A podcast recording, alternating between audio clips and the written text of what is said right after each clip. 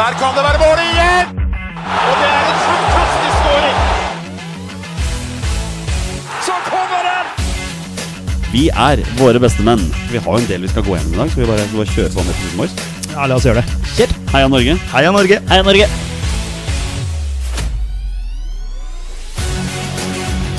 Takk, Ole Gunnar Solskjær!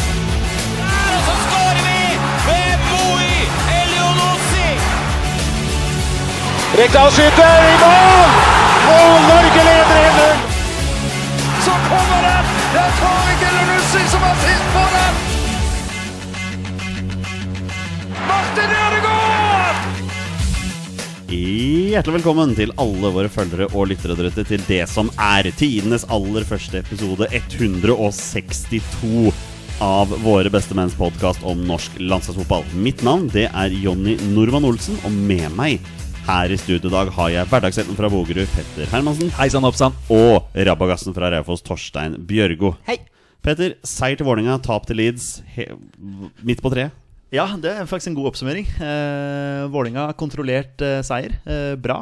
Meget bra levert. Eh, Leeds eh, for så vidt bra levert, men eh, det blei ble 0-1, altså. Det var Ja. en litt sånn, sånn kjip, kjip måte å tape på. Det var som jeg skrev til deg. VG hadde da istedenfor å skrive overskriften 'Wolves vant', så hadde de Leeds tapte. Ja, det, de er flere klikk. De veit hvor klikken går. Ja, jeg tror det. Ja, nei, det var, eh, det var en tøff, tøff Premier League-kamp. Eh, Wolverhampton er ikke noe dårlig lag, men det hadde vært mulig å slå dem. Ja.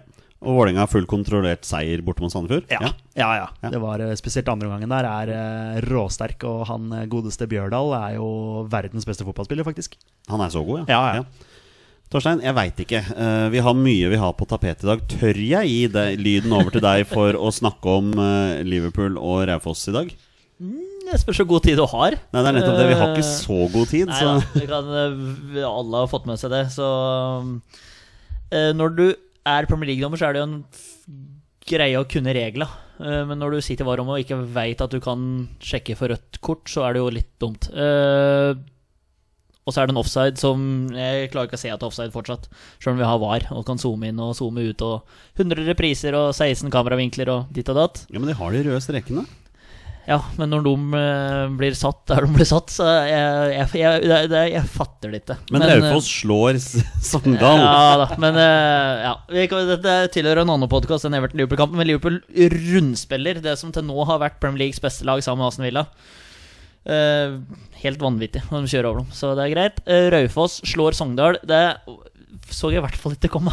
Den var Sogndal som har vært så bunnsolide, hvis det går an å være det i Kokos-Obos, eh, og så svikter de på Raufoss. Det var veldig deilig. Og så er det jo noen omdiskuterte situasjoner og sånn der, men det, akkurat i Obos så føler jeg det er eh, dekkende å si at det, akkurat der jevner det seg opp. Jeg synes Det er et håpløst uttrykk sånn egentlig, men i Obos så syns jeg det er ganske dekkende. Så nå eh, ser det ut til at plassen er trygg, og som jeg sa før sesongen da, da går det faktisk an å kjempe om kvalik. Og når, deres, når, de, når dere har et lag hver som skuffer, så er det godt at jeg kan komme her og sitte og kose meg litt, da, siden begge mine lag faktisk vant i helga. Mest imponert over Skeid, som faktisk slår Hødd borte. Ja, det var råsterkt. De lå under 1-0, gjorde de ikke det? Lå under 1-0, fullt fortjent. Man sier det. Hødd var best i første gang, vi var best i andre gang. Seiersmålet på et skudd fra 40 meter. Tar den, altså. Veldig fint. Ja. Det er sterkt. Det er ikke kødd engang, det var 40 meter. Ja, Høres ut som keepertabbe. Nei, altså Keeper kommer ut og avverger en, en uh, pasning gjennom, og så skal han kline ballen bort, men så havner ballen rett i, um, rett i beina på debutant Øystein Vestvatn, som uh, skrur ballen forbi alle sammen og i åpent mål. Deilig. Det er veldig deilig. Rett og slett. Boys, vi har, eh, vi har som vanlig ekstremt mye på tapetet i dag, så jeg lurer på Skal vi bare kjøre i gang, eller? Jonny, bare la oss gjøre det. Jeg Kjør. Ja, men da, da gjør vi det, da.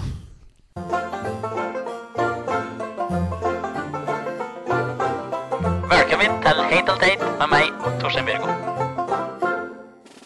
Det er på tide med en ny runde med Heit eller teit med Torstein Børge. Og Torstein, hva er heit eller teit med Torstein Børge? Vi tar jo for oss uh, heite og teite ting som har skjedd den siste uka.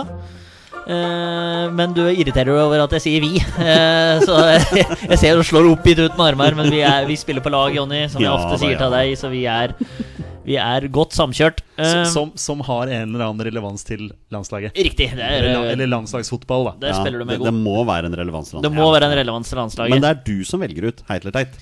Ja, det er Så- sjelden at det er likt på Så, så hvor mange heite og teite har du i dag? Er fem heite, tre teite. Ja, men det er bra. Ja. Overvekt og heite. Ja det da. liker vi. Det er, det er mye positivt som skjer, tross uh, Tross alt. Ja, så, så hva begynner du med? Nei, Vi starter med det heite, kan vi ikke gjøre det? da? Jo, Og så jo. avslutter vi med Teite Teitesen.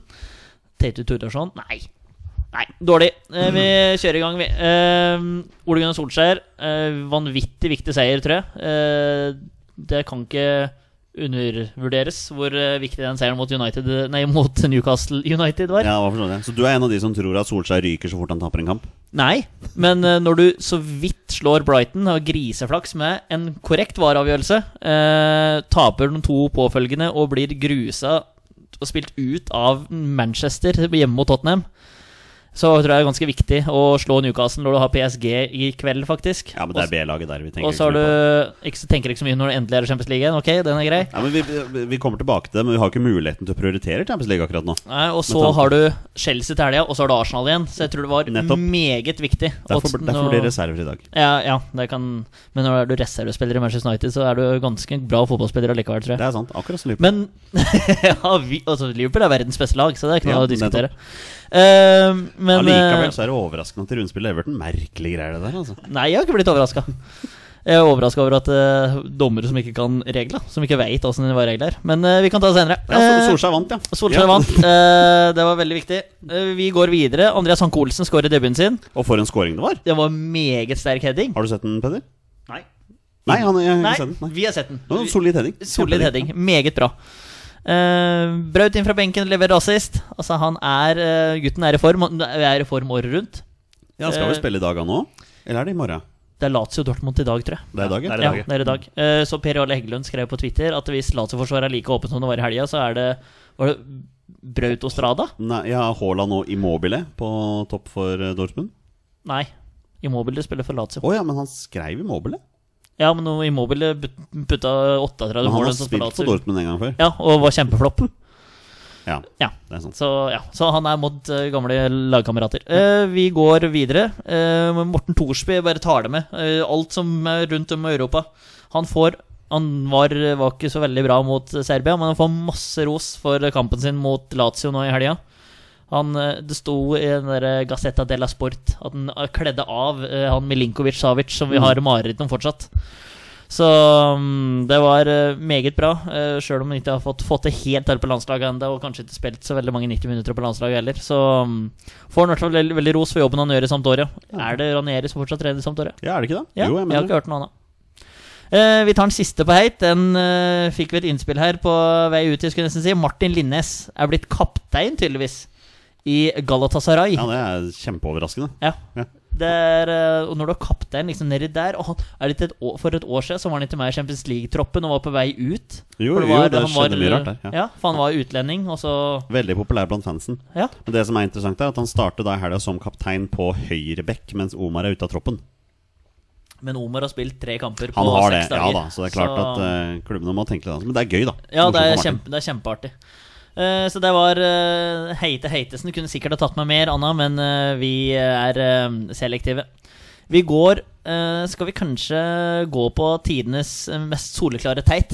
Tidenes mest soleklare teit. mest soleklare teit. Skal vi kanskje gå dit med en gang? Erik Bakke. Pappa. Olai Årdal, can you hear me? Du vet at Olai Årdal har sendt inn spørsmål her? Vet du hva, Jeg så jeg var tagga i noe, men jeg, jeg, jeg skjønte ikke Jeg trykka på den notification, og så så jeg dek, hadde svart et eller annet, men jeg så ikke 'vi skal passe på det' eller et eller annet sånt. Og hadde jeg skrevet Ja, altså, nei, det var, det var Men jeg så ikke hva han hadde skrevet først. Eh, jeg har det her nå. Um, Ja, ikke, ikke et spørsmål, men en eh, anbefaling. Ikke snakk om fotballhelga til Torstein, verken i Obos-ligaen eller Premier League. Takk på forhånd. Så, nei, men Du må jo snakke masse om at Sogndal ble grust av Raufoss. Ja, det er, det er et par omdiskuterte situasjoner der.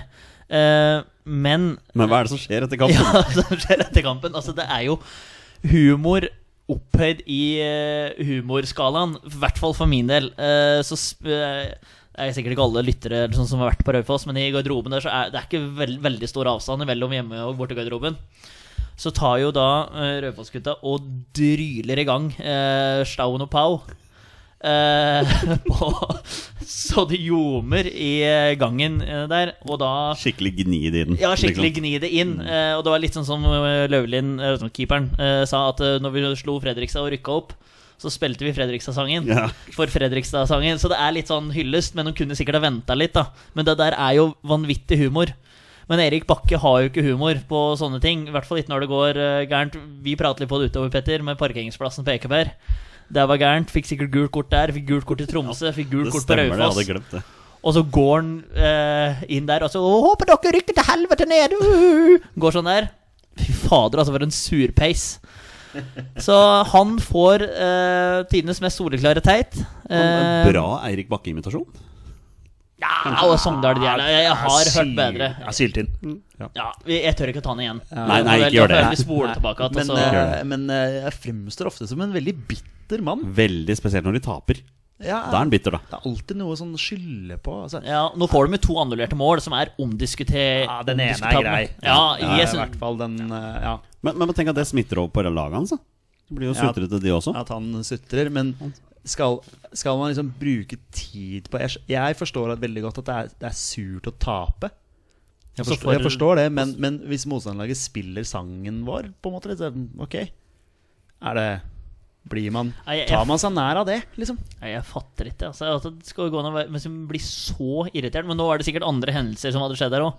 Men han fikk jo igjen gult kort. Om det er pga. navnet eller ryktet hans, eller hva han faktisk sier, eller hva han gjør på sidelinjer, det er uh, uvisst. Men uh, uansett, viktig seier til Raufoss, og Erik Bakke han kan ta par valium, og så lykke til videre med Håper dere ikke rykker opp, eh, kan jeg si da. Ja. Skal vi se Martin Ødegaard er ute i en måned. Ja, det er Marka som skriver dette her. Ja, Mark, ja, Marka kjenner jo et Ja, par i Marka der vi, vet du. Som vi har fått litt. Tar, tar, tar, tar det på ramme alvor. Østmarka? Østmarka. Ja. Østmarka. Eh, nei, uh, han er ute en måned, så, og så er det vel ganske bra fysioterapeuter og sånn i Madrid, tenker jeg, så får, vel, får han vel på beina. Men det er litt kjipt at han ryker Champions League. Uh, han ryker Barca til helga. Eh, ja, videre Champions League og videre seriematcher. Og, Og landskampene. Og landskamper. Sannsynligvis. ja, ikke minst. Så det er eh, Det er surt. Han leverte vel i én av tre landskamper, han òg. Og det var mot Romania. Så kanskje han er litt hemma av det kneet sitt. Eh, Men nå var det leggen. Å oh, det, ja, det var leggen nå, ja. For jeg har ikke lest uh, Nei, grunn. det var, men, var det ikke det, Jonny? Var det Jo, legge- det er alltid noe. Ja, Ja. det- For jeg trodde også det var knærne nå, Ja. men det, det er ikke det lenger nå. Nå Det er er nå er det noe leggeproblematikk. Så ja. Han sliter jo tydeligvis med beina, da. Ja. En måned ute med leggproblemer. Da. Ja. Det er er, kjipt. eh, ja, utrolig kjedelig. ja, det liker vi ikke. Så, men det er klart at det er mye belastning nå, så ja, synd. Får han ligge og bli gnadd litt på legga, så får vi håpe han er på beina raskere enn antatt. Og så eh, går vi videre til uh, det som er tidenes mest soleklare seriøse teit. Uh, det er alt uh, rasismebråket som har vært nå den siste tida. Og så veit jeg du skal ha en liten sånn bolk om det, Jonny, så vi kan egentlig bare Nei, vi kan, vi kan bare ta det med en gang. ta det i ja, så det var egentlig helt Ja, nei, teit, du- og så blir det avslutta på en kjip måte nå, men det er ganske greit å prate om det. Ja, men altså, det, det har jo stå, Det har blussa opp i media. Jeg syns den der kampanjen som Fredo Santos har starta nå, er helt knallbra. Og da er det jo egentlig ganske hårreisende det som skjer på Sandefjord her, med den vakta som ikke bare roper én gang, han roper to ganger, til og med. Han innså tydeligvis det sjøl, da. Så det Bugge, skulle, Bugge Pettersen, som er dagleder i Sandefjord, skulle gå og prate med han, så han allerede tatt av seg vesten sin og skjønte at nå var han ferdig. Så leste Sandefjord Blad. Han er en angrende synder, selvfølgelig, denne fyren her, men altså Hvorfor? Det er som jeg sa til deg, da. At uh, har, har du liksom rasistgenet, så, så, så ligger det inne, altså. Hvilken annen grunn skal du ha for å kalle Kamara for en apekatt, liksom? Nei, jeg, te jeg tenker også det samme. Jeg tenker at uh, i det norske språk så har vi så mange ord vi kan bruke. Kall folk for en uh, kukk, kall dem for en klovn. Altså alt mulig sånn. Kall dem for en idiot. Men uh, når du liksom bruker apekatt, så blir det så konkret, da. Ikke gå på hudfarge, Nei. for det er, det er jo det det handler om. Ja, ja. Hadde jo sannsynligvis ikke sagt det samme til uh, Kjartansson, f.eks. Nei. Bare for å ta et eksempel. Uh, så, så det blir så, det blir så konk konkret bruk av ord for å på en måte håper å si såre for å liksom uh, Ja, det er uh, rasistgen, var det du kalte det. Eh, Nei, jeg, jeg, det er ut, uf, ufattelig eh, trist. Og så syns jeg også det er utrolig spesielt når han forklarer seg i ettertid og sier at han ikke har fått med seg at det har vært en sånn type kampanje. Da er du rimelig blåst, Altså, sånn som jeg forsto det, så har han jobba i Sandefjord som vakt der i fire år. Ja. Eh, sannsynligvis så var det bannere rundt omkring på stadion. Eh, spillerne sto med 'stopp rasismen' eh, på eh, kort eh, før kampen. Eh, så det har vært så mye fokus på det. Eh, altså At han bruker det som en unnskyldning, det, det syns jeg er eh, Det er rett og slett pinlig. Hele situasjonen er jo bare Det er jo bare flaut. Altså Dette er en voksen mann. Eh, han skal kunne klare å tenke seg om, men når det ligger der i deg, tydeligvis. Han sier selv at han ikke er en rasist, men for meg så er det akkurat det han er. Det som er så morsomt, er at vi som, vi som aktivt bruker sosiale medier, blant annet Twitter og sånn, der er det jo mye rasister. Der er det mye fæle folk. Fellesnevneren for de fleste er at de gjemmer seg bak en nikk. De vil jo ikke stå fram med navn. Hvorfor det? Er de skamfulle? Er det det der?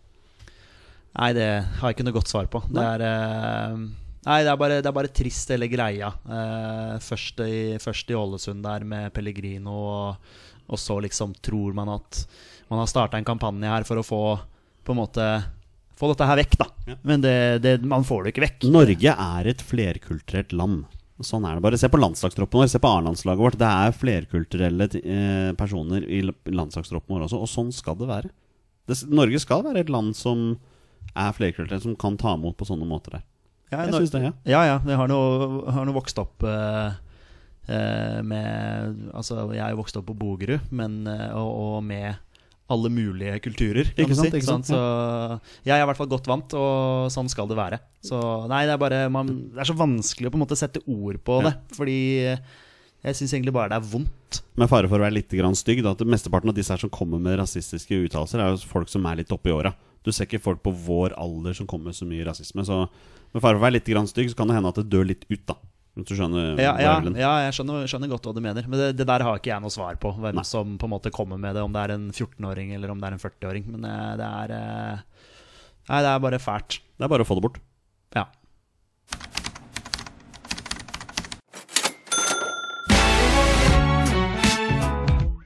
Vi kjører på med landslagsnyheter, og boys, i dag har jeg lyst til å starte med å prate om Haitam Alesami. Er det greit, eller? Ja. Venstrebekken vår har endelig funnet seg en ny klubb og skal forsøke å spille seg inn på Rostov i Russland, hvor landslagskamerat Mathias Nordmann allerede spiller. Jeg tenker Haitam leverte jo et godt landslagsår i 2019. Det kan være enige om, ikke sant? Men i sosiale medier så veit vi at Haitam alltid har vært en hakkekylling. Han er den som skal få høre det, og det hele toppet seg nå mot Serbia når han i likhet med flere andre spillere leverte en kamp under pari. Jeg er fullstendig klar over at Haitam ikke var i kampform når den kampen mot Serbia skulle bli spilt, øh, og både han og Stefan Johansen fikk svært vanskelige arbeidsvilkår på den venstre sida. Men én ting som har irritert meg grenseløst lenge, har vært at det er veldig mange som er ute etter å ta han. Jeg sitter liksom med følelsen folk skal ta Haitam, da. Og det, det virker som folk liksom har ventet lenge på muligheten til å ta han skikkelig, og nå har levert han en dårlig kamp. Og det er sånn der, ja, nå skal vi ta han. Litt sånn som Vålerenga og Kristoffer Claesson. Jeg ser flere av dine medsupportere. Det er så mange som sitter bare og venter på Å, nå gjør han tabbe!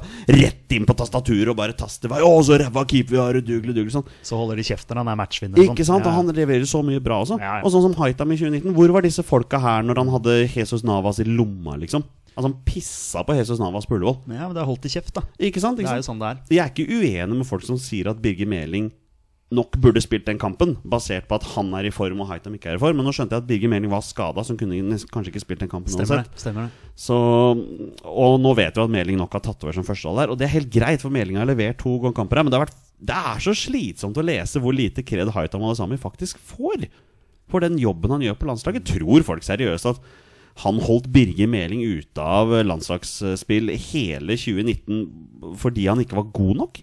Jeg, jeg syns det er piss. Ja. Jeg, jeg kjenner jeg blir skikkelig irritert på det. Og det er sånn Hvorfor skal han få så jævlig mye tyn? Jeg, jeg syns bare det er dritslitsomt, da. Ja. Nei, jeg, tror, eh, jeg tror veldig mange har, har hengt seg opp i dette med at han ikke har hatt klubb på en stund nå. Eh, Og at han da ikke har vært i kampform. De, eh, og at han på en måte har, eh, fikk en sånn Markus Henriksen, Stefan Johansen, hakkekyllingrolle akkurat nå. Jeg syns også det ble litt voldsomt mot han. For meg så har han prestert, sånn som du sier, tidligere. Eh, Men det var nok en feil nå, ja. Han burde nok ikke ha spilt, rett og slett fordi han ikke har kampform inne. Og da hadde man jo hatt Martin Linnes, for eksempel, da, som eh, kunne ha spilt. Men se på sosiale medier bare i 2019. da Hver eneste gang så var det folk som skulle kritisere Haitam og påstå at han var så dårlig. Hvor mange dårlige landskamper spilte Haitam Al-Sami i 2019? Altså direkte dårlige landskamper. Det var ikke mange, altså. Nei, vi har skrytt mye av han, i hvert fall. Ja. Ja, jeg lurer på om vi ga noen stjerner, det. Men vi ga sånn på slutten Ja, ja, av året. ja, ja. At vi faktisk Vi vet ikke hvor mange stjerner han fikk. Jeg men, husker, at, eh, jeg husker at han fikk mye å gjøre mot Sverige hjemme. Da sleit han veldig, men ærlig talt, han fikk Ola Kamara på Ja, han venstre hjelp, da. Han fikk jo ikke noe hjelp Nei, nei, heller. nei. Markus Henriksen fikk en som indreløper ned på seg, som ikke var Mm. i form. Og, og samme var det nå mot Sverige og vi, Nei, mot eh, Serbia også. Vi hadde jo ikke noen mulighet til å dekke opp. Det ble dobbelt på sida der hele tida. Så det var jo kjempevanskelig for Haitam å liksom plassere seg hvor han skulle være. Jeg er enig i at han ikke spilte en bra kamp, men jeg er så lei det herre jævla hakkekyllingstempelet som han skal få. For så dårlig er han faktisk ikke, altså. Nei, han er ikke det, og det har han jo bevist tidligere. Men det er veldig gledelig at han har fått seg en klubb nå, og på et nivå som vi har skjønt er veldig bra. Ja, du har skjønt det nå, ja. ja. ja, ja, ja. Eh, og får håpe han klarer, å klarer, å spille seg inn der, da. Jeg er enig. ja Torstein, du som er Rostov-mann her. Hvordan ser venstreback-situasjonen ut i Rostov? Nei, eh, vi kan jo gå videre. Ja, vi går videre. vi går videre. Um, Joshua King. Nå blir han værende i Bournemouth, i hvert fall til januar. Eh, King ble jo intervjuet etter kamp mot Nord-Irland og fortalte der at han har hatt det svært tungt de siste to månedene. At dette har preget han at han ikke er i kampform. Og det så vi jo under kampen også. Um, nå skal ryktene ha det til da, at han tok det nok veldig tungt at det ikke ble noe av den overga- drømmeovergangen til Manchester United. Så ja, boys, hva tenker vi over at han nå er stuck i championship fram til januar? Nei, det er ikke bra. Det, er, eh, det var en tydelig preg av Joshua King som, eh, som tydelig ikke vil være i Bournemouth. Selv om han sier på en måte at ja, ja, jeg er i Bournemouth og skal forholde meg til det, og sånn, men det er ganske tydelig at han ville vekk derfra nå og vil spille på det øverste nivået. Um, var det ikke sånn at han hadde Jim Solbakken som agent, men har brutt med han nå? Jo, det stemmer det. Eh, var Jim Solbakken agenten hans da denne Manchester United-overgangen kunne bli en realitet? Jeg har sett disse spekulasjonene Ja, her, at det kan være noe inne i bildet Fordi han snakker om nå, Dette vet jeg ingenting om, men det blir jo litt sånn at man leser litt mellom linjene. Fordi Joshua King snakker om at han har blitt lovet det ene og det andre. Ehm, er det da denne Jim som har lovet Joshua King en overgang til Manchester United? eh, og fått en ganske 100 garanti på at dette her kommer til å gå i orden. Dette fikser vi. Og så har det ikke skjedd. Eh, er det noe der som på en måte ligger? Og er det noe, er det noe med at han da i ettertid Ok, greit, det stranda den, denne gangen, men jeg jobber på videre med å få dette her i orden, og så går det ikke i orden. Det blir ikke noe mer nå heller. Og så bryter man med han. Og så Ja, jeg vet ikke, jeg bare spekulerer. Men I, det Inne, er, inne og ser på uh, klientlista til Jim Solbakken her nå. Uh, jeg tror alle veit at han er en særdeles upopulær mann i, uh, i sosiale medier, men eh, det er bare nordmenn her, altså. Det er, det er bare nordmenn på klientlista hans, og det er, det er ganske mange. Til og med Jonathan Tollas Nation står på klientlista til Ja. eh, Jim Solbakken. her faktisk Aron Dønnum har vel akkurat signert Ja, jeg ser han ikke her, her men, men han er inne. Men inne, Nation er ikke med Solbakken lenger. Han er ikke det, nei? Nei, det er jeg ganske sikker på at han ikke er. Nei. For det mener jeg han har gått ut og sagt. Men, men øh, nei, vi, vi vil jo det beste for Joshua. Det er klart vi vil det. Vi, vi reagerte jo også på det under kampen mot uh, Nordland. Han var jo ikke på. Ja, nei, det, han var ikke det. det var, vi snakka om at han var ute av kampform, og så vet man jo uh, øh, sjelden øh, Altså, alle mennesker lever sine liv og har sine problemer og utfordringer. Eh, så når vi setter oss ned og snakker som supportere, så tenker ikke vi kanskje alltid på at ja, kanskje han sliter med noe mentalt, kanskje han har noen utfordringer som gjør at han ikke presterer. Det er på en måte ikke det vi setter oss ned og tenker spontant på når vi spiller inn en podkast. Men selvfølgelig sånn sett i ettertid, så ok, greit, han har slitt med ting. Han har slitt med noen ting nå etter at den overgangen, som for han var en drømmeovergang. Det ville være den største han Altså tilbake til på en måte klubben som henta han da han var 15 år, var det ikke det? Sant? Og han har sikkert alltid hatt en drøm om å spille seg inn på Manchester United, eh, og så går det i vasken. Eh, det kan jo gå veldig inn på deg. Selvfølgelig kan Ja, så det, ja, nei, det er tydelig noe som, eh, som har plaga han eh, lenge, og har gått utover formen hans, kanskje. Man, Eh, ja. man, man skal være litt forsiktig med dette med psykisk helse også. Absolutt. Man veit jo aldri hvem Nei. det er som sliter med noe. man vet ikke det.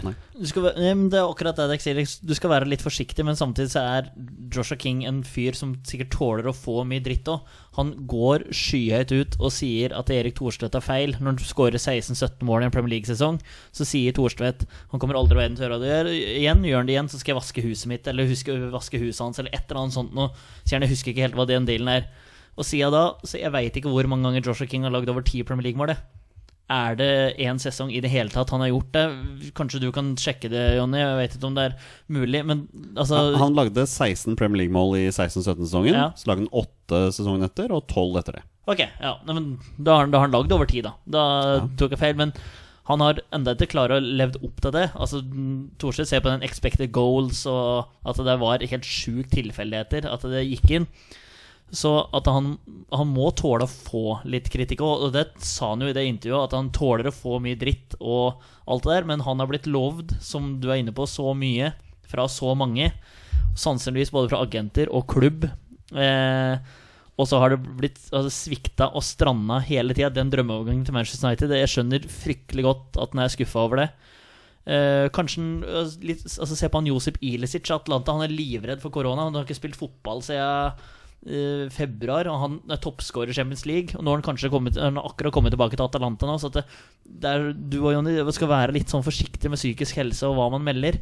Men når han er en av dem som går ut og melder og er så knalltøff og tøff i trynet når ting går bra, så må han tåle å få kritikk uh, og tåle å få kjeft. Og det er bare det som er poenget mitt. At han Sjøl om psykisk helse og alt sånt, ja, selvfølgelig, men allikevel så må du tåle å få kritikk, hvis jeg ikke er litt med meg her, da. At han går ut og er så tøff at uh, han skal uh, vise hvem jeg er, og sånn hele tida når det går bra. Også når det butter, så skal han liksom ta litt den offerrollen. Han gjør ikke det nå, men han skal være litt sånn forsiktig. Han òg, er mitt poeng. Jeg syns det er fint at han er ærlig, ja. At han tør å, tør å snakke om det. Fantastisk Det det. intervju. Og Marius Skjelbæk, at han klarer å holde Holde den i gang der. Det syns jeg Du, men du merker på Skjelbæk at her, her der, der skjønner Skjelbæk at her er det noe stort på gang. Ja. Så han på en måte klarer å holde det litt sånn Ok, ok, her må jeg liksom stille de riktige spørsmålene og sånn. da Ja, for det- Så det var veldig fint intervju. Ja, Det var ikke B- han- det var ikke B-laget Marius som Nei, tok nei, det intervjuet der. Men det var ikke det Marius Skjelbæk trodde at det intervjuet skulle handle om. Nei, nei, men der ser du hvor proff han er. da Ja, At han ja, klarer å Ja, det var det jeg synes det. så- Mm. For der må du, da må du stille spørsmålene dine riktig. Også, Ja, ja, ja. For, det- for der er Oh, yes. I mine øyne, største stjerne. Ikke beste spiller, min største stjerne. Mm. Uh, og mister du Joshua King der, så kan du bare glemme å intervjue ham på kanskje to-tre år. Jeg tror vi bare ruller videre igjen nå. Um, dagen før landskamp mot Nordland Boys forrige uke skal det bli svært amper stemning under et møte på spillerhotellet i Oslo. VG sitter på kilder som forteller om sterk eh, turbulens innad i laget etter tapet mot Serbia playoffen noen dager før, og det resulterte i hyppig møtevirksomhet både i grupper og blant laglederne, og det sies at temperaturen var svært høy. Ifølge flere kilder VG-varekontaktene var det store deler av spillertroppen som mente at det var for defensiv spillestil, for lavt press og for lite tilpasning til motstanderen. Og det hele skal ha toppet seg med at Perry og Alexander Sørloth havnet i munnhuggeri som endte med at Perry truet med å kaste Sørloth ut av møtet. Ja, Hva tenker dere om dette, boys? Er det sunt med høy temperatur, eller burde dette vært håndtert annerledes?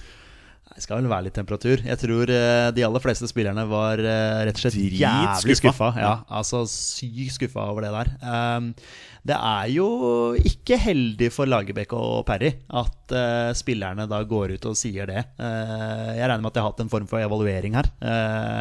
Og hvor det da har blitt evaluert av spillerne at dette her eh, At vi på en måte ikke er enig i måten vi skulle gå ut på. da Eh, Så det er jo ikke- heldig for eh, Lagerbäck og hans vei videre på landslaget. Jeg syns det er veldig interessant at tre dager etter at Per og Alexander Sørloth havner i munnhuggeri, så starter Sørloth på benken mot Nord-Irland.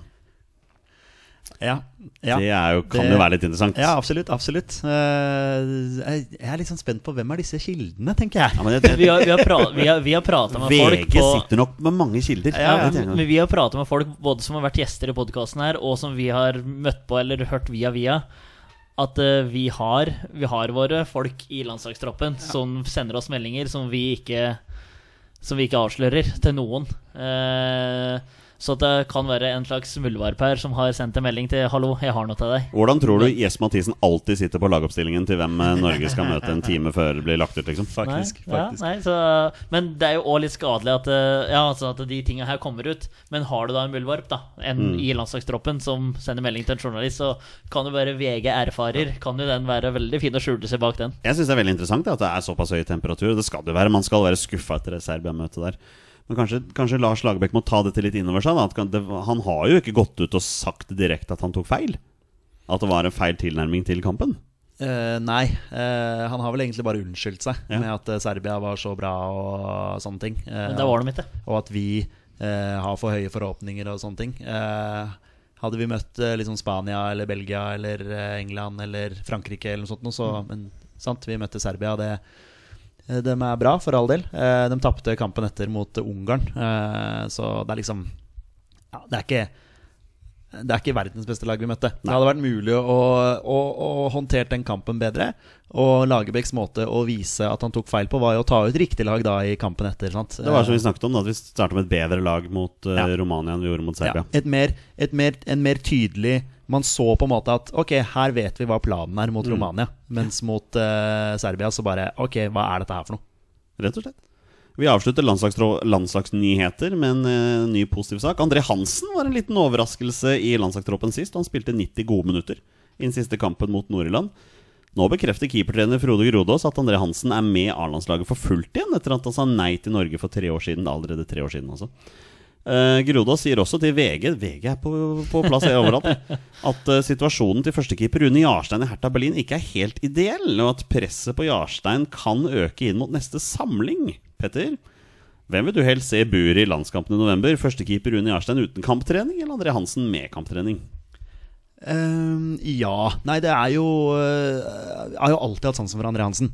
Sansen for André Hansen. Det var ikke Ja, det var ikke, det André var ikke det, ja, ja. Det var ikke høyt nivå på den heller. Nei, det var ikke men- meninga heller. Nei, Men jeg, jeg hørte det mens Enig. jeg sa det, at, eh, at det, det, det, var noe, det var noe gull der. Uh, er jo alltid Jeg syns alltid det er best at eh, spillere spiller kamper og er, og er i form. Uh, og at det kanskje kan bli jevnt mellom André Hansen og Jarstein, men jeg blir ikke noe sånn det er ikke sånn at jeg blir lei meg hvis Rune Jarstein står i mål. Men samtidig skal det sies Torstein, at Rune Erstein var vår klart beste spiller mot Serbia. Hvis du tar bort det der baklengsmålet, så hadde han mange gode redninger. Han holdt Ja. oss inne i kampen. Helt enig. Og jeg mener at eh, kamp, kampform er annerledes for en keeper enn for en utespiller. Det er det. Det er, eh, keepere er eh, noen særinger. Vi har jo vært keepere, du og jeg, Olsen. Så, Vi er særinger. Vi er noen særinger. Så de, ja, de er et eget Holdt på å si folkeslag, men ja, nei, det er Jeg vil også, vil, vil også mene det at det er annerledes hvis en keeper ikke har spilt så mye kamper. Ja. Men det er gøy da at André Hansen er med for fullt igjen. Kjempebra. Og det har nok noe med, den saken at eh, Ørjan Nyland, hva driver han med akkurat nå? Ja, det Frihet? Ja. Ja, men han har jo ikke klubb. Nei. Kan han signere for en klubb? Jeg mener han kan det. Jeg veit ikke åssen de reglene er, men jeg håper det, sånn at Ja. han kommer seg i gang igjen. Ja, for det, nå, nå kan ikke han drive og være for eh, kravstor, tenker jeg. Han må bare hvis agenten hans finner ut at det er en klubb som trenger keeper nå. Kjør på. Ja. tenker jeg. Men uh, vi skulle gi oss nå med breaking breaking news her. Uh, Stefan Johansen, uh, Petter, han er vraket i Premier League-troppen til Fulham. Han får ikke spille kamper igjen før januar. Nå vet jeg ikke om han kan spille ligacupkamper, FA-cupkamper og sånne ting, men det er Sånn som Torstein sa, da, han, han burde kanskje fått noen heads up før dette her blir klart, i og med at overgangsvinduet nettopp er stengt. Jeg syns det er dårlig gjort. Det der, det der, Jeg synes jeg syns jeg er tenkte det samme. Vent, da. Nå er det stengt. Nå! Du er ute. Stefan kom på kontoret og prate Det, med det minner meg litt om en situasjon med Leeds for mange år siden, når, når manageren fikk fullføre overgangsvinduet, så fikk han sparken Ja. dagen etter at overgangsvinduet hadde stengt. Var det Brian McDermott? Uh, nei, det var Nei. han uh, Åh, nei, nå husker jeg ikke. Nei, nei, okay, Nei. Han som tok over Huddersfield eller et eller annet etterpå. Gary Monk? Nei, nei, nei. Uh, jeg skal finne Nei, det han mens vi bare snakker om det selv. Ja, nei, glem det. det er, eh, jeg tenkte feil, jeg nå. Uh, ja, nei, det, jeg tenkte akkurat det samme som deg, Torstein. At det var liksom sånn uh, gi gi han på en måte beskjed om at Vet du hva, det, vi kommer ikke til å satse på deg i Premier League. Eh, du må finne deg en ny klubb. Så hadde jo han sannsynligvis vært For for meg er Stefan Johansen er championship-spiller. Ja, eller hadde han dratt tilbake til Celtic, da. Ja, ja. Det ser ut som de trenger en? Ja, en hærfører på midten der. Ja, ja. 1.2.2012 fikk Simon Grayson sparken som manager i Leeds. Det var dagen etter at overgangsvinduet stengte. ja, det var det, Og ja. så tok Neil Warnock over elleve dager etterpå. Oi, oi, oi. Men, tider. mine herrer, Stefan Johansen kan jo ikke nå være med i landslagstroppen til kampene i november. Hvorfor ikke? Totalt uten kamptrening. Kan jo potensielt være det, vet du, Ja, Jonny. vi Men ja, jeg skjønner, jeg skjønner han hva du blir med. mener. Ja, ja, Han kan jo ikke det. Altså, det er jo helt eh, meningsløst å ha han med der. Men uh, at han eh, jeg, Nå er jeg usikker på reglene, det var du usikker på, Olsen. At eh, hvis han nå da blir fristilt da fra Fulham, hvis det skjer noe der, liksom Jeg veit ikke hvordan det fungerer. Nei, at han da eventuelt Kan, kan, kan noen av våre lyttere fortelle oss hvordan dette fungerer? Eh, ja, for han må vel være, må vel være uten kontrakt hvis Ja. det skulle være mulig å signere. Men nå har de på en måte meldt inn troppene også, da, så da kan man vel ikke registrere noen i ettertid. Nei, jeg tror ikke det. Nei, Nei. Så han, som du sier, han får ikke spille fotball på en stund. Nei. Og siste breaking news er at eh, landskampen mot Israel nå er bekrefta, Petter. Så det blir tre landskamper i november også. 11. november, Ja. Ullevål stadion, 18.00. 200 tilskuere. Ja, de som kommer seg dit fra jobb. Ja, det spørs. Ja, Oslo har ikke Oslo, 600. Oslo har kun 200, vet du. Nei, Oslo, det vet er fortsatt 200 inntil videre. Så Det var gøy å se på Eliteserien nå i helga, med flere lag som hadde 600 tilskuere. ja, faktisk. faktisk. Det ble litt ekstra lyd der. Ja, det var det. Og det, vi leder med 1-0. Vi leder med 1-0 over Nederland. Kjetil Rekdal er skårer.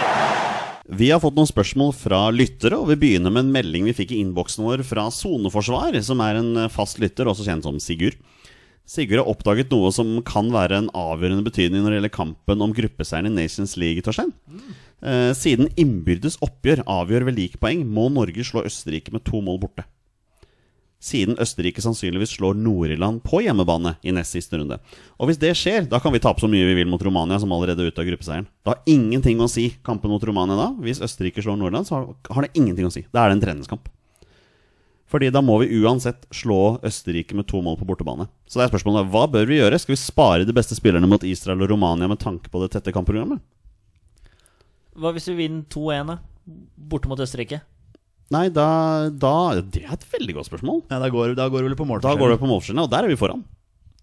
4-0 mot Ja, det kommer an på hvor mye Østerrike Ja. slår Nord-Irland med. da Hvor mye vi eventuelt taper mot ta Romania. Ja. Romania Østerrike. Men altså, Østerrike kommer til å slå Nord-Irland på Ja. hjemme. ja, det gjør de. Ja. Sannsynligvis. Og, ja. Så da må vi til Wien og vinne med to mål. Ja, Ha det som et utgangspunkt, ja. Ja. Ikke sant? Skåre to mål må vi jo. Eh, Sier seg sjøl at gruppeseieren i Nation League blir vanskelig nå. Ja, men det er mulig å få til. Og jeg syns det er en veldig kul eh, problemstilling, eh, nær sagt. Det Det er var veldig jo- kult at den finner det ut. Ja, Altså at han har at, tenkt i de tenkt baner. det, ja. Mm. Det er litt rart at ingen i media har snakket om dette. tydelig landslagsmann.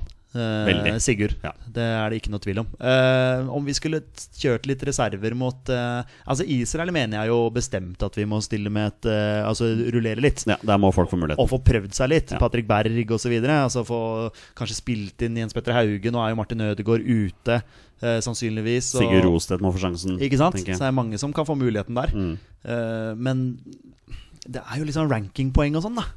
Ja, så, så Kampene betyr jo noe. Ja, Utenom Israel, da. Den betyr jo for så vidt ingenting. Nei, men det betyr rankingpoeng. Ja, jeg vet det, og, det er men det altså som, sånn- og, og det er også en ting som er veldig viktig. For det er de tre siste kampene som kan ha noe med å si hvilket seedingnivå vi havner i VM-kvalifiseringen. Vi er vel nå som nummer 24 i Europa. Vi må opp på 20 for å bli andresida. Så, Ja. Men det, det var som en skrev at seks av de lagene som er foran oss, tapte jo. Så det er derfor vi tok igjen poeng Ja, på de. Så det, de kampene har faktisk noe å si rankingpoengmessig. Og et av de lagene som tapte, det var Nord-Irland. som som, som er foran oss, ja. Ja, de er faktisk De er oss. fortsatt foran oss. Ja. Nei, altså er det jo Det må vi jo selvfølgelig ta i en annen episode. Men eh, dette med Qatar Uh, Vi- vi og- kommer dit. Ja, Vi, eh, det er litt sånn rart å sitte og prate om og, og på en måte komme seg til VM. Et VM som man egentlig ikke har lyst til å delta i. Men det kan vi ta i en annen episode. Ja, vil vi delta, vil vi ikke? Det må Ja. vi, vi kommer til det Ja. når den muligheten byr seg. Alexander Finstad lurer på om det er noe potensial for at Lars Lagerbäck kan fullføre sin kontrakt og dermed fullføre VM-kvaliken i 2021. Jeg tenker Ja. nei. altså, det, det, altså, NFF har vel sagt at han skal fullføre dette her. Så, men jeg syns det var interessant at spillerne har vært tydelig så uenige i måten de har gått ut på da, mot uh, Serbia. Eh, og det er ikke akkurat noen tillitserklæring til Lars Lagerbäck. ingen måte. Eh, sånn at han da har fullført disse to kampene da etter Serbia eh, for å på en måte fullføre perioden nå. Kanskje NFF jobber med andre muligheter, jeg vet ikke. Men jeg syns i hvert fall det er litt sånn urovekkende at spillerne på en måte går litt imot han, da. Tror du ikke, Torstein, at NFF allerede er på tråden til Solbakken? Top secret. Jeg tror hvem, Jeg husker ikke helt hvem som har sagt det, men jeg tror Solbakken og folk i NFF Det er, faktisk Mari Skjelbæk som har vært på det. Som har sagt at uh, NFF har prøvd før eh, og fått nei fra Solbakken. Eh, og da Dette er Marius Skjelbæk sine ord. At eh, han trodde da at det kunne sitte så prippende folk på eh, NFF og si at han har sagt nei til oss. Da gidder ikke vi å spørre han når alle vil at vi skal spørre en At er, de er så fire-fem år i huet. Det vet jo vi alt om som jobber i barnehage. At det sier du med nei til meg, så får ikke du bli med meg hjem, liksom. Altså, det er, du får ikke bli, bli bedt i bursdagen min. Det er litt sånn uh, Det verste du kan si. ja, men det er, Ja, men det der er problemstillingen hver dag som vi opplever. Men at du kunne sitte av sånne drittunger på eh, NFF òg og tenke sånn. Uh, men for all del, han er jo høyaktuell, og jeg klarer ikke å se så veldig mange andre kandidater som de kunne ha ringt til. Du og jeg har prata på Kjetil Rekdal og hatt lyst på han Men så var du litt inne på det, at han muligens har pensjonert seg sjøl nesten. Og har ikke levert på 15 år og er på Hamar, så Det er en strålende Segway. Jørn Henland sier at Ståle Solbakken tidligere har uttalt at han ønsker å ta over landslaget. Men hvis dette har endret seg, hvem mener dere realistisk bør ta landslaget etter Lars Lagerbäck? Jørn kan tenke seg Kjetil Rekdal. Ja. Ok, ja. Det er som du sier, Torstein. Du og jeg har snakka varmt om Rekdal Ja. tidligere. Men eh, ja, jeg har blitt litt sånn øh, nølende til det nå.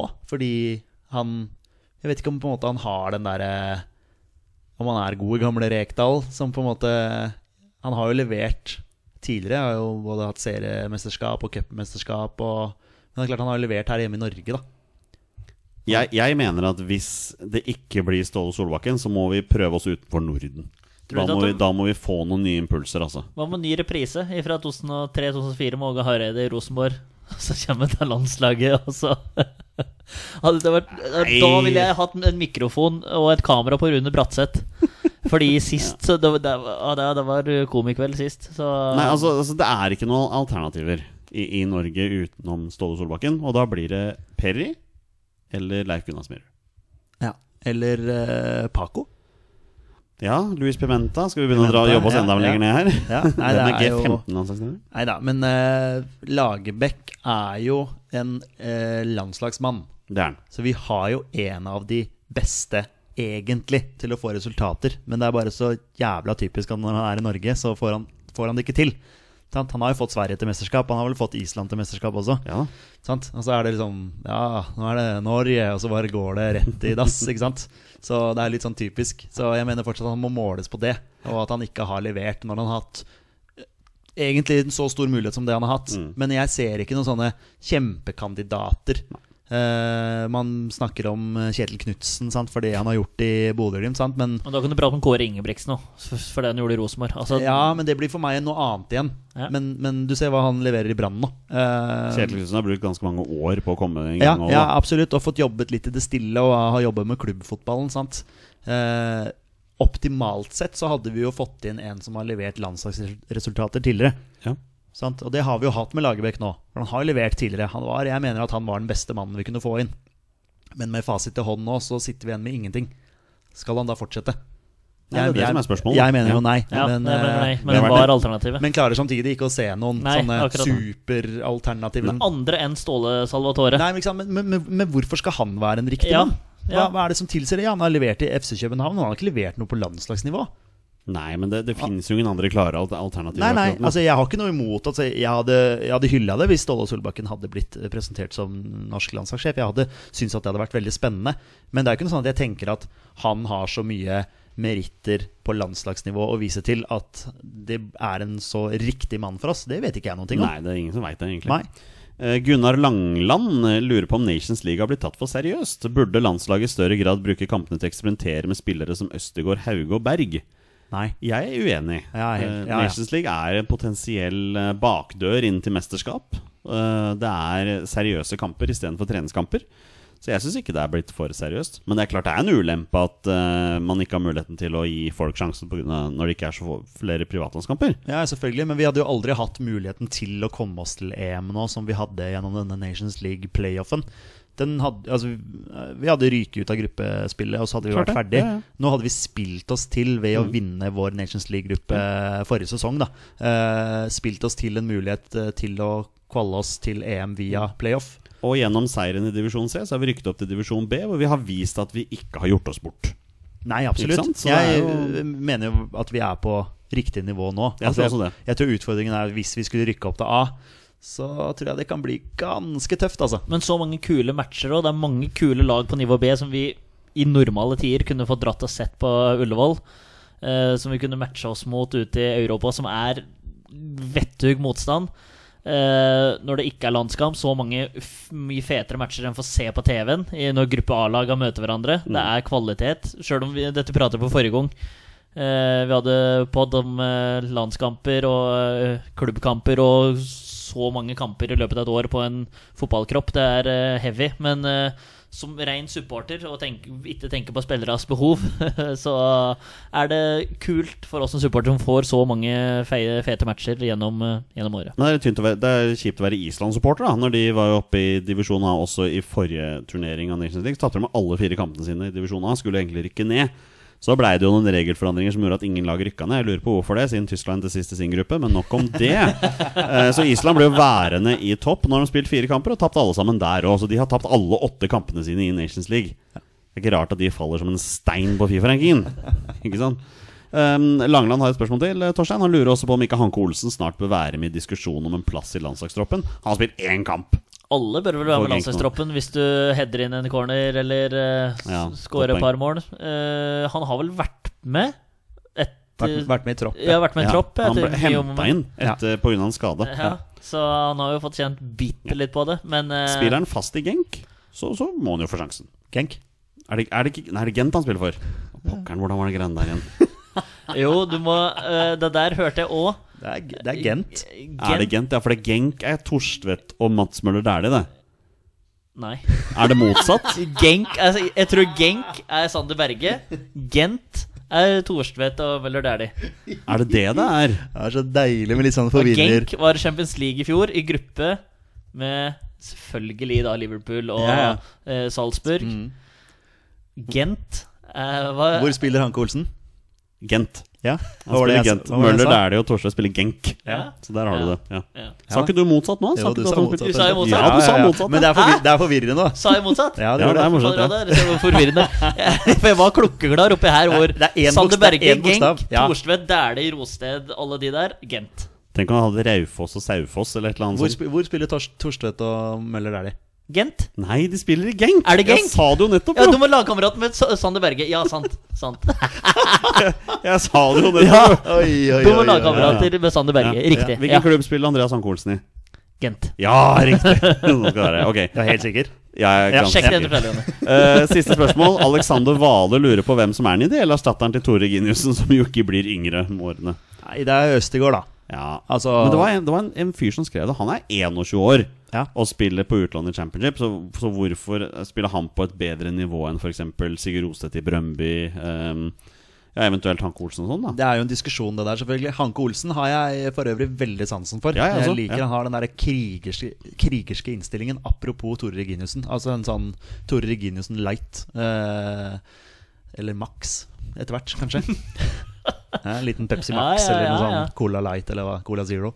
Uh, nei, jeg, jeg tror Hanke Olsen eh, kan bli veldig veldig god. Jeg tror han kan bli landslagsspiller. Så han kan jo være en arvtaker. Men jeg har veldig trua på Østigård. Det har vi hatt i mange år. Vi fortsetter å ha trua på han. Ja.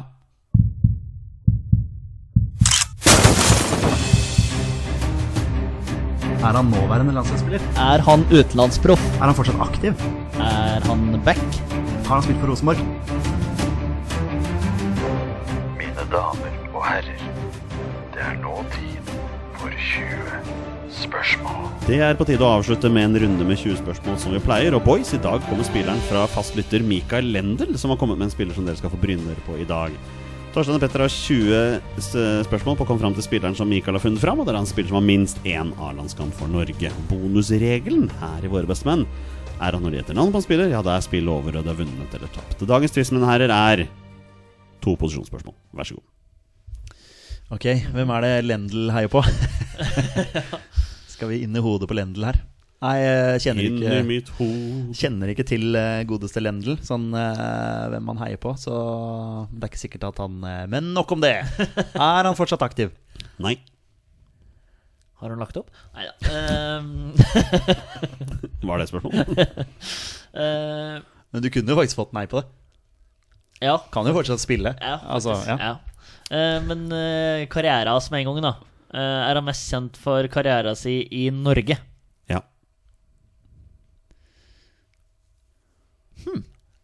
Skal vi prøve å på en måte gå for om han er mest kjent for å ha spilt for en enkel klubb Ja, i vi Eliteserien, eller altså et eller annet sånt? Ja, hva du tenker, ja, eh, hva du Nei, tenker videre? det. Om det er nåværende klubb, eller om det er eh, alt eh, spisende klubb, skulle jeg si. Men skal vi spørre om han Skal vi ta først og spørre om han er mest kjent for å ha spilt for én enkeltklubb? Ja. Liksom om det er en, en klubb som skiller seg ut? da Enig, enig der. Og så heller uh... Er han mest kjent for å ha spilt for Altså er det én klubb som stikker seg ut, hvor han er mest kjent for å ha spilt for i, her i Norge? Jeg velger å si ja.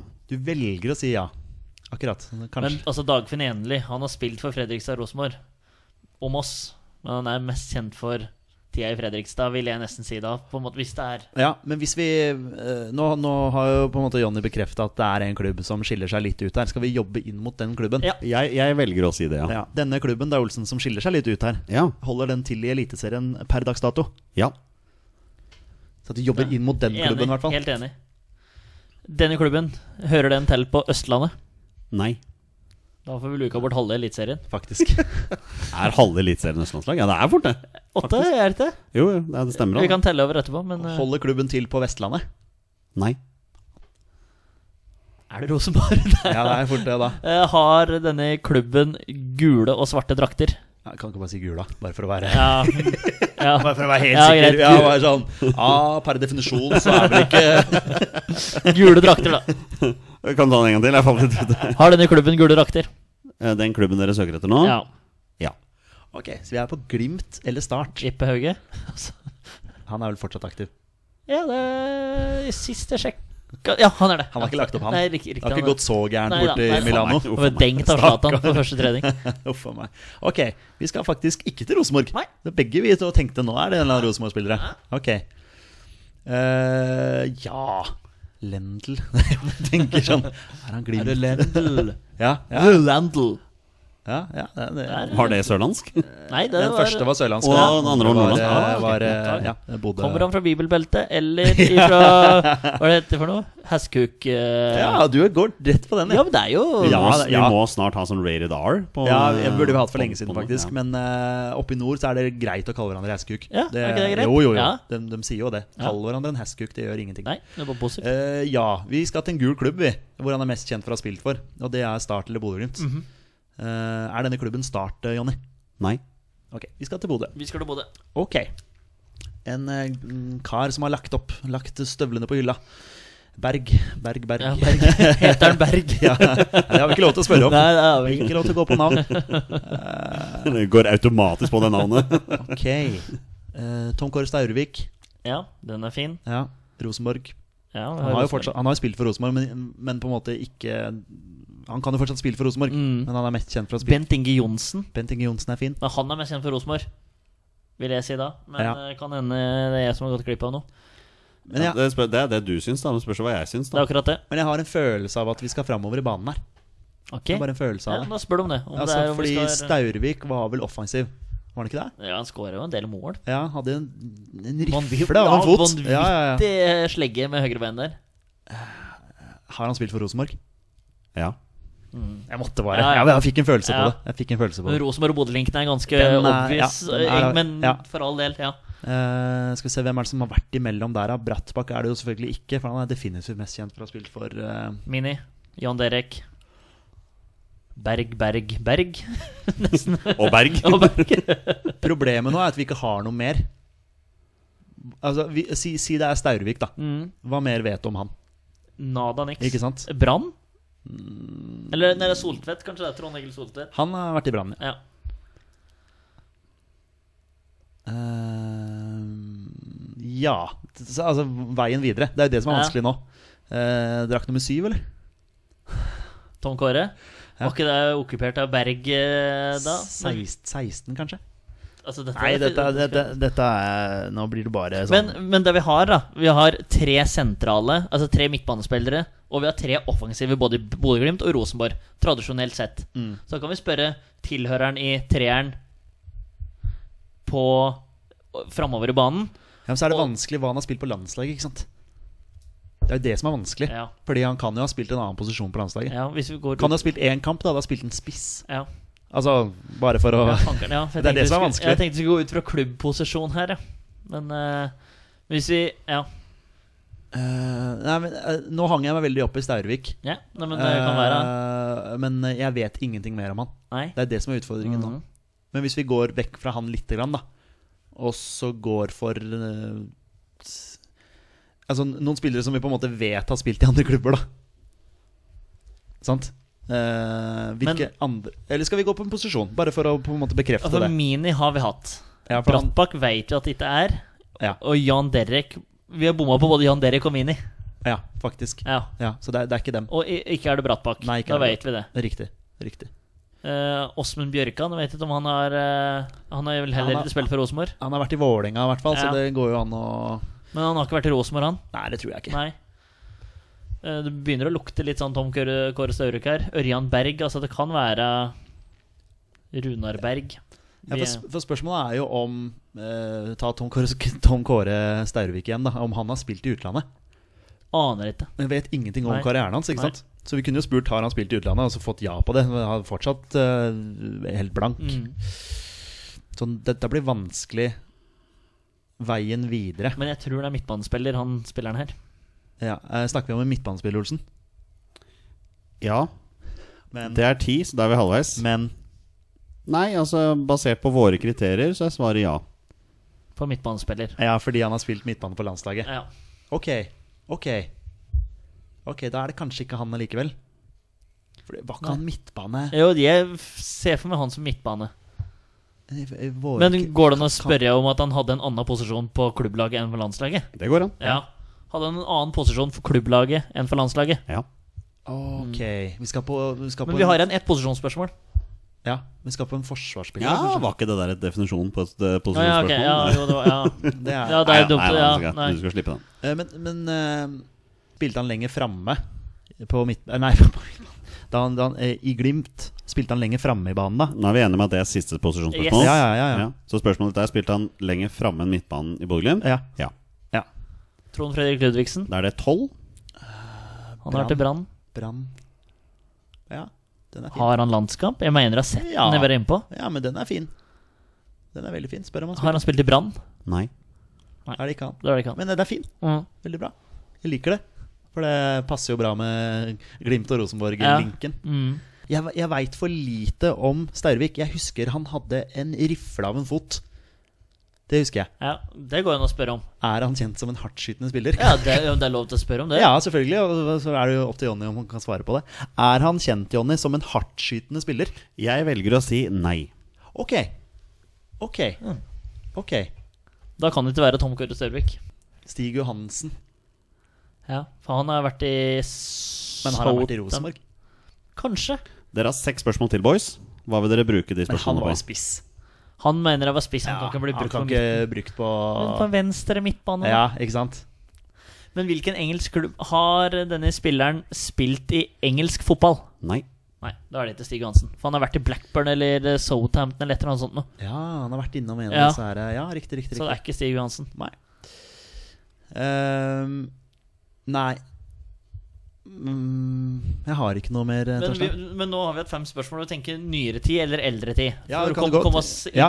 oss inn der. Kan godt eh, Sannsynligvis ikke noe mesterskap for Norge, for da burde vi ha Oi. Da- Nå fikk du en Trond Olsen. Har han, har han gitt seg? Vet ikke. Nei, den er, den er nesten for åpenbar. Altså sånn Ja. Venstrebeint. Venstrebeint. Sju. Ja. Er vi på sjueren der? Ja. Har han spilt i Viking? Ja. Det kan stemme. Ja, Eh, ok. Tok Rune Jarstein og dytta han spilleren her over ende i straffefeltet, så Rosenborg fikk straffe og vant 2-1 i Stavanger, hvor Steffen Iversen satte ballen i høyre hjørne og Jarstein kastet seg til venstre? Har ikke peiling. Nei. Nei, Det er vel klipp på YouTube. Freebie, da. Freebie. Eller? Ja, jeg svarte jo ikke ja eller nei, Nei, nei, nei. nei. Men Eh, er han venstrebeint? Ja. Har vært så enkel hele tiden? Seriøst? Hva mer er det vi har om Trond Olsen, da? Bare minne dere på at dere har to spørsmål igjen. Ja, ja, men vi Ja, er, men det er jo Det er jo Det er jo så åpenbart nå. Ja, Åh, nei, men holdt da på å gå på en smell der. Holdt på å gå på en liten smell, Redningsmannen men uh, Torstein Bjørgo Ja, i dag så kom kom, på, vi, kom vi på, var på ballen. Nei, men Trond. uh, Super-Trond. jeg tror vi bare skal gå for det. Kan ikke bare For jeg har ikke noe mer. gå på Tom Køre Størvik-skudd? Kjør av, Torstein. Eh, Jonny, på spørsmål nummer 18 Yes. så spør vi deg Er det Trond Olsen. Gutter? Det er Trond Olsen. Yes! Det er helt riktig. Det er veldig bra jobba, Turs. Der uh, henter oss godt inn igjen. Den, Ja. var, den, var, den, den var nesten for lett. N- Når Mikael Lendl kom med det tipset, her så sa jeg til han at jeg tror det er litt for lett, men vi kan godt ta den. Ja, Og så satt dere men igjen Tom Kåre Stervik. ja flere ganger, Ja, altså. ja. Har han Ha, er han det navnet vi har nevnt mest i en 20 spørsmål? Nei, det er? Martin, det er Martin Andresen. Oh, ja. Ja, det er, det er ikke noen tvil om at det er Martin Andresen. Det er helt under tvil. Uh, mine herrer, uh, Trond Olsen har spilt uh, eliteserie skråstrek tippeligafotball for fire forskjellige klubber. Dere har nevnt tre av dem. Rosenborg, Viking, Bodø-Glimt og Haugesund? Nei. Da er jeg ferdig. Stabæk. Nei. Nei. Det er faktisk Lillestrøm. Ja, det er det Han, det stemmer. eh, Fire kamper for Lillestrøm i 2006 av en eller annen merkelig grunn. Ja. Hvem vet, hvem vet hvorfor det?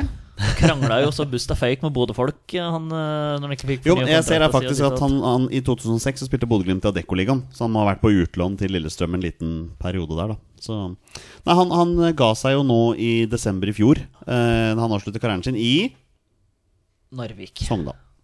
Ja, han var jo Ja, lagkompis med. Amund. da. Ja. Faktisk. Stemmer det. Hvor mange landskamper har Trond Olsen, eh, mine herrer? Tre. Fire. Han har én landskamp.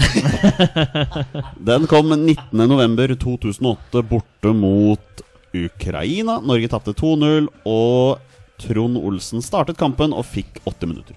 8? 80. 80. 80. 80 der. Norges lag i den kampen. Jon Knutsen, Tom Høgli, Tore Reginiussen, Brede Hangeland, Jon Arne Riise, som fikk rødt kort, faktisk. Per Siljan Skjelbred, Christian Grindheim, Daniel Fredheim Holm, Moa, Morten Gams Pedersen og Trond Olsen starta den kampen. Og inn til debuter Morten Skjønsberg og Erik Huseklipp. Eh, De øvrige på benken Espen Johnsen, Tarek Elonosi, Jon Inge Høyland, Jan Gunnar Solli, Thomas Sokolowski og Bjørn Helge Riise. Der, altså. Ja, Bjørn Helge Riise og Trond Olsen var jo lagkompiser i Sogndal eh, Ja. der, da. Stemmer det. Men jeg velger å si at han var mest kjent for eh, tida si i Bodø-Glimt. Det vil jeg si er greit. Ja, ja, Ja. Enig. Det er, han hadde jo 270 kamper for Bodø-Glimt og 65 for Rosenborg og 60 for Viking, så kan vi si at det var riktig der. Men husker du godt fra Rosenborg òg, da? Selvfølgelig. Men uh, du uh, traff godt der. Takk. Og med det er det på tide å avslutte dagens episode. Tusen takk til alle dere som lytter på. Dere er fantastiske mennesker, alle sammen. Vi er våre beste menn. Heia Norge. Heia Norge. Heia Norge! Og hei!